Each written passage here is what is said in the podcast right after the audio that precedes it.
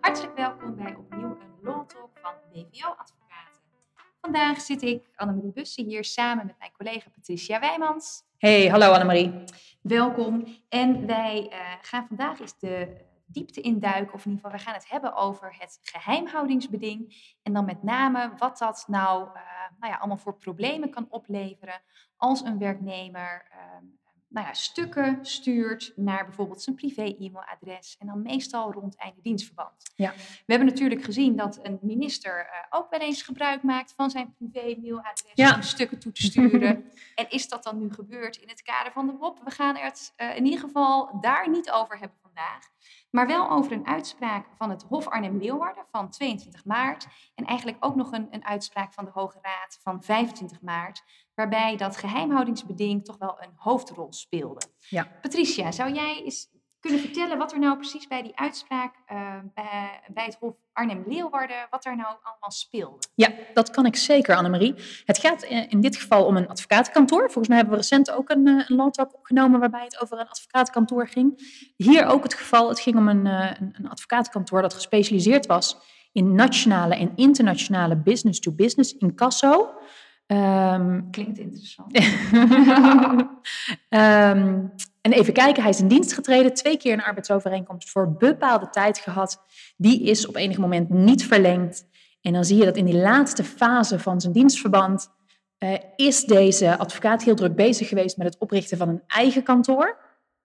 Uh, dus hij heeft voorbe voorbereidingshandelingen verricht, zoals hij is bezig geweest met een website, heeft een, een handelsnaam ingeschreven. Ik wil het zeggen, want bij de Kamer van Koophandel hè, heb je natuurlijk altijd zo'n zo'n datum van de inschrijving. Ja.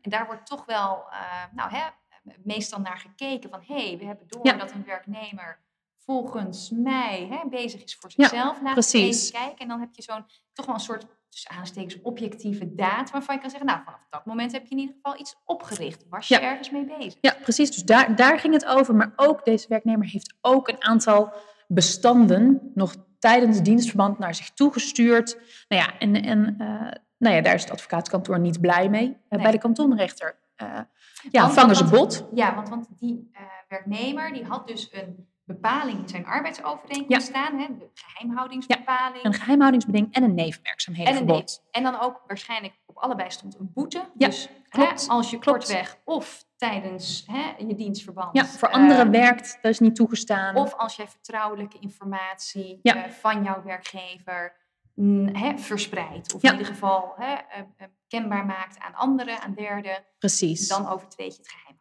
Precies, dat is precies waar deze zaak over ging inderdaad. Er was een nevenwerkzaamhedenverbod, een geheimhoudingsbeding. En het advocatenkantoor vond dat beide bedingen geschonden waren en dat de werknemer de boete uh, die daarop stond verbeurde. Er was ook beslag, beslag gelegd. Um, uh, wat ik al net al zei, bij de kantonrechter uh, ving de werkgever bot. De kantonrechter vond niet dat sprake was van schending van het nevenwerkzaamhedenverbod.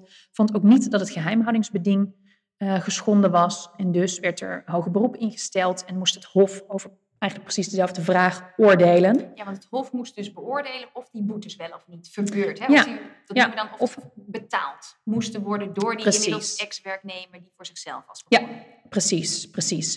Um, en de vraag is dan, heeft de werknemer het nevenwerkzaamhedenbeding geschonden?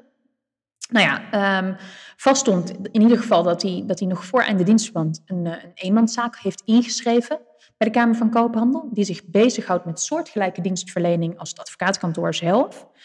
Um, ook staat vast dat hij een domeinnaam heeft geregistreerd. Hij heeft een factuur ontvangen voor de opzet van zijn website. En hij heeft ook aanvullende, een offerte uh, ontvangen voor aanvullende werkzaamheden voor zijn website. Um, nou ja, en vervolgens heeft hij een aantal stukken naar zijn uh, privéadres gestuurd die nuttig zouden kunnen zijn voor zijn onderneming of website. Waar het dan precies om gaat, dat staat er verder niet bij. Maar dat zijn in ieder geval de dingen die er gebeurd zijn, waardoor, uh, ja, waardoor, waardoor de uh, werkgever denkt: hey, dit, jij bent het nevenwerkzaamheden, heb jij geschonden. Um, en opvallend vond ik hier dat het Hof um, vaststelt dat partijen niet hebben onderhandeld over het beding. Dus het nevenwerkzaamhedenbeding en het geheimhoudingsbeding, dat, dat, dat zijn bedingen die uit de koker van de werkgever komen daar is verder niet over onderhandeld. En Nee, die stonden gewoon in de arbeidsovereenkomst Precies. die was aangeboden. En hè, soms stelt een werknemer nog een vraag over een bepaalde bepaling, maar in ieder geval niet over deze. Soms wordt er nog een beetje over onderhandeld, maar heel vaak ook niet. Ehm, maar grappig is dat, eh, dat het Hof hier kennelijk wel de conclusie eh, aan verbindt. Dat, dat, je, ehm, nou ja, dat daar niet zo'n hele ruime uitleg ehm, aan kan worden gehangen.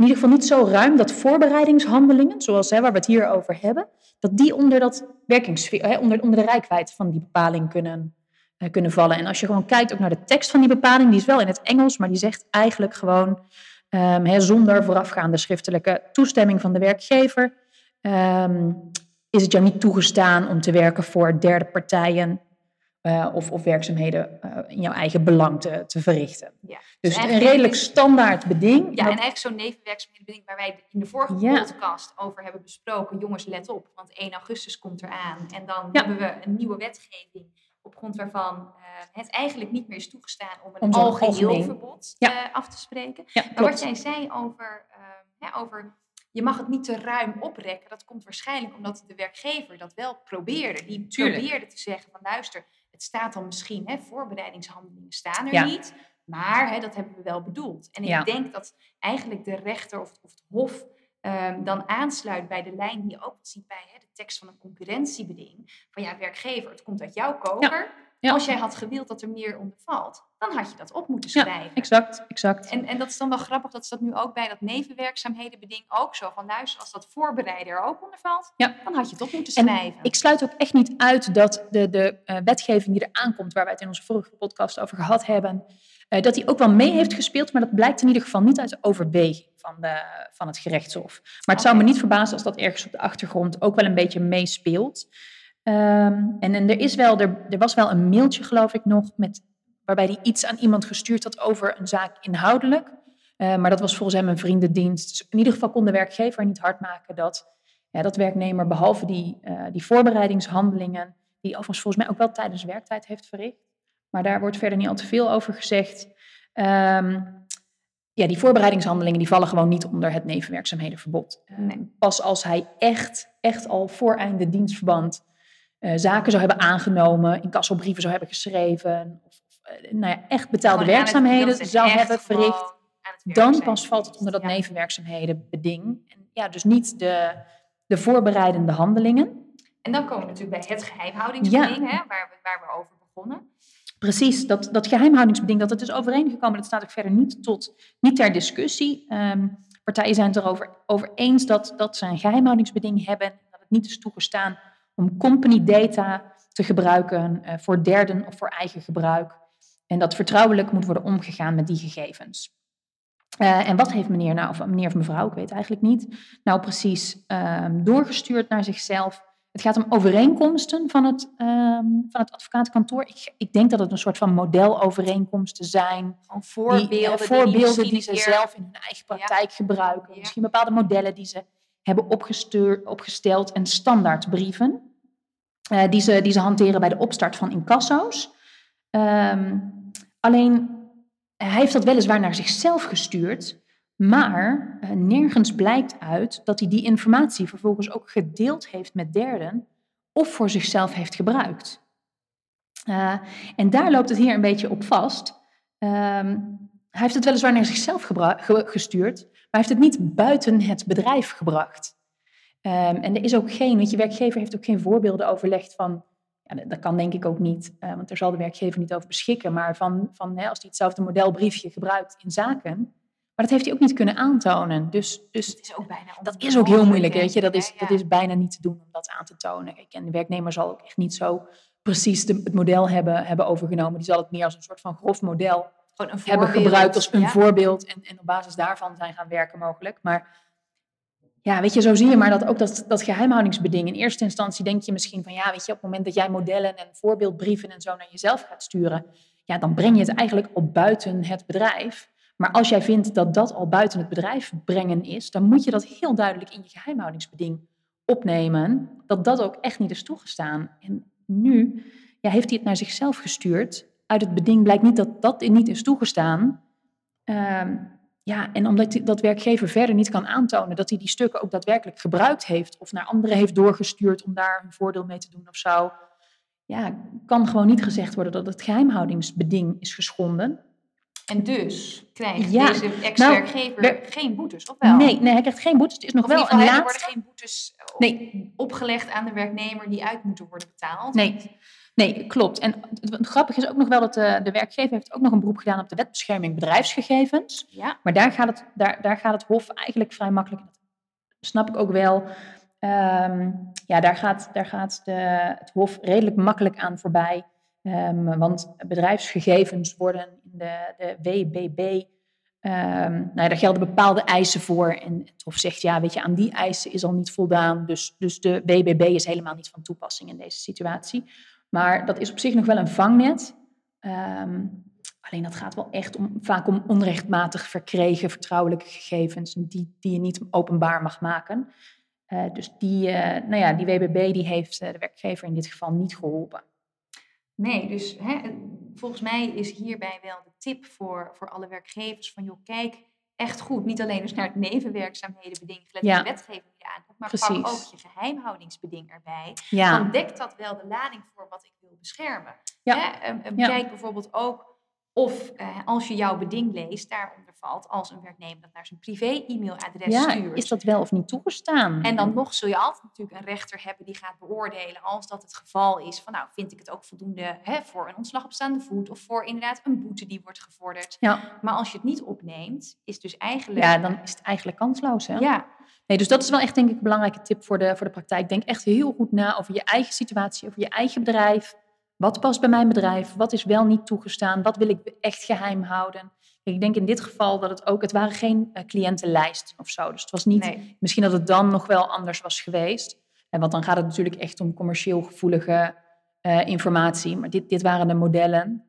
Dat, dat speelde denk ik ook wel mee. Nou, dat, denk- dat Ehm. denk ik ook wel. En, en dat is wel aardig dat jij het zegt. Want hè, misschien wekken wij nu de indruk van... oh joh, zo'n geheimhoudingsbeding, waarom nemen we het op? Kansloos. Want, hè, het, het, houdt, het, houdt toch geen stand. Maar dat is wel aardig, want drie dagen later... heeft dus de Hoge Raad op 25 maart een, eh, een uitspraak... ja, eigenlijk eh, op grond van 81 RO heet dat heel moeilijk... maar eigenlijk betekent dat hè, dat het uitspraak van het Hof blijft in stand. De Hoge Ja. Raad zegt, eh, daar ga ik verder niks over zeggen... En ehm, dat was een uitspraak van het gerechtshof Den Haag van vorig jaar, 23 maart 2021. Dus hè, er zat een jaar zat daar, zat daartussen. Ja. Waarin het ook ging over het overtreden van een geheimhoudingsbeding door een werknemer. Ehm, dat had geleid tot een ontslag op staande voet. En Ja, dat ontslag, ontslag op staande voet hield wel stand. Kijk, en ehm, wat dan wel, eh, wel aardig is, is dat je ziet dat het Hof zegt van joh, je had als werknemer moeten begrijpen dat als jij e-mails met bedrijfsgevoelige informatie, dus dat is wel even en iets waar, anders waar dan- ging het precies om? Wat voor Ja, dat- informatie, weet je dat? dat, dat heb ik hier zo niet staan, maar ik sluit niet uit dat het wel eh, klantenlijsten waren, prijslijsten en dat soort Ja. zaken. Ja. Maar dat heb ik hier zo even niet paraat. Maar die waren dus naar privé e-mailadressen, dus ook volgens mij ook nog naar de partner van Oh, deze ook werknemer. niet naar alleen hun eigen. Niet alleen naar zijn eigen. Ja. Ehm, en nog op het moment dat de werknemer al was vrijgesteld van werk, omdat ze over een Ja, beëindigingsregeling precies. Dit, dit was ook al een werknemer waarvan eigenlijk duidelijk was dat hij het, kan, nou ja, dat hij het Ja, bedrijf ging verlaten. Er zou, er zou een afscheid plaatsvinden. Het was even de vraag, gaat dat in Ja. overleg met de Ja. vaststellingsovereenkomst? Nou ja, of gaat het op een andere manier? En wat hier dus gebeurt, gaat eigenlijk nog een stapje verder. Dus we maken een klein, een klein zijstapje. Is dat deze werkgever had ehm, in het kader van die ontslagprocedure... had die werkgever de onderzoekskosten gevraagd... die oh, de werkgever Ja. had moeten maken om erachter te komen waar dus die informatie naartoe was gegaan, hoe het was verstuurd. Die hadden een soort hè, klein onderzoekje opgezet. Ja, Daar hadden ze ook een partij voor ingehuurd. Van hé, hey, kijk eens deze werknemer, wat is hier allemaal aan de hand? dat zie je natuurlijk wel vaker in de praktijk. Ja, dat je dus dan de onderzoekskosten in geval van fraude of hè, Ja. op een andere manier. En het Ja. ging hier om ook nog andere zaken hoor. De benzinekosten onder andere. eh, maar Oh, de ja. onderzoekskosten voor het eh, onderzoeken van, ehm, hè, van, van de apparaten van de werknemer. Van goh, wat is er gebeurd met, met informatie. Daarvoor werd een bedrag van 2500 euro toegekend aan de werkgever. Ja. Dus die kregen een, eh, een vergoeding eh, van het Hof, waarin dus de Ja. werknemer te horen kreeg: jij wordt gewoon veroordeeld tot het betalen van 2500 euro. Want ehm, ja, wij, wij vinden dat onderzoekskosten die, eh, eh, die door jou moeten worden betaald. Ja, Omdat ja. jij met jouw Jij hebt eigenlijk onrechtmatig hebt behandeld. Precies. Dus dan zie je wel dat het, hè, dat het toch ook de andere kant op kan vallen. Dat dus ook een overtreding van een geheimhoudingsbeding. En, hè, dat was dan hier onderdeel Ja. van het ontslag op staande voet. Onderdeel van de dringende reden. Maar dat zelfs de onderzoekskosten om die dringende reden, om dat overtreden van het geheimhoudingsbeding aan te tonen, die werden zelfs door het Hof eh, toegewezen. En dat is dus door de Hoge Raad ook in stand gelaten. Ja, precies. Waarbij denk ik wel, dus, dus wat we al eerder benoemden, hè, een belangrijk verschil is dat het hier kennelijk ging om bedrijfsgevoelige informatie. Ja, Ik denk dat dat wel een verschil is met de, de eerste eh, uitspraak die wij behandelden. Eh, dat het toch iets minder echt vertrouwelijke informatie was. Ehm, en een tweede is denk ik ook dat het nog wel van belang is of je het alleen naar jezelf stuurt. Hè, Ja, en dus bij je houdt en je het ook nog... Ja, En hè, op een moment dat werknemer al vrijgesteld was van werk en dus Ja. in gesprek was over een beëindiging van de arbeidsovereenkomst. Ehm, dus ik denk, ja, hè, zo zie je maar dus hoe feitelijk het wordt beoordeeld. En dat was ook waarom de Hoge Raad dus zegt, ik ga daar niet nog wat over zeggen. Het is natuurlijk geen nee, feitenrechter. nee. Ehm, maar ik denk dat dit wel een, nou, een, goed punt is om eh, je te realiseren. Kijk dus goed naar wat staat er in jouw geheimhoudingsbeding. Als je een situatie aan de hand hebt, hè, kijk dan heel feitelijk van oké, wat, hè, wat is er nu gebeurd? Wat kunnen wij bewijzen? Moeten we daar misschien nog een onderzoek Ja, voor laten instellen? Hè, op Ja. bepaalde apparaten, hè, of het inderdaad deze werknemer Ja. is geweest die zaken waar naartoe naar buiten heeft gebracht. En hou dus in het achterhoofd dat je dus onderzoekskosten dan wel ook weer kunt vorderen van de werknemer. Ik zeg echt Ja. niet dat het altijd ehm, eh, dus goed het gaat. gaat niet altijd goed. En het hangt natuurlijk ook wel van de van hoogte. Misschien dat de 2500 euro. daadwerkelijke kosten ook nog wel een stuk hoger zijn geweest. Dat, Dat het meer... sluit ik zeker niet uit. Maar hè, dit is wel een statement van joh, dat geheimhoudingsbeding vertegenwoordigt dus echt wel Ja, een, een, hè, een belangrijk iets waar je als werknemer aan moet houden als je dat hebt afgesproken met jouw werkgever. Ja, ja. Nee, eh, duidelijk verhaal. eh dankjewel, Annemarie. Ik denk dat wij ehm, aan het einde zijn van onze podcast. Ehm, wij krijgen de laatste tijd best wel regelmatig een, eh, leuk berichtje van mensen dat ze onze podcast volgen en eh, met veel plezier beluisteren. Dus dat is natuurlijk altijd heel leuk om te horen. Ehm, hebben jullie nog tips of hebben jullie onderwerpen die jullie graag een keer willen horen? Ja, laat het ons dan vooral weten. Dat vinden we ontzettend leuk. Ehm, nou ja, wij, ehm, wij sluiten deze podcast af. En eh, heel, heel erg bedankt voor het luisteren weer. En tot de volgende keer.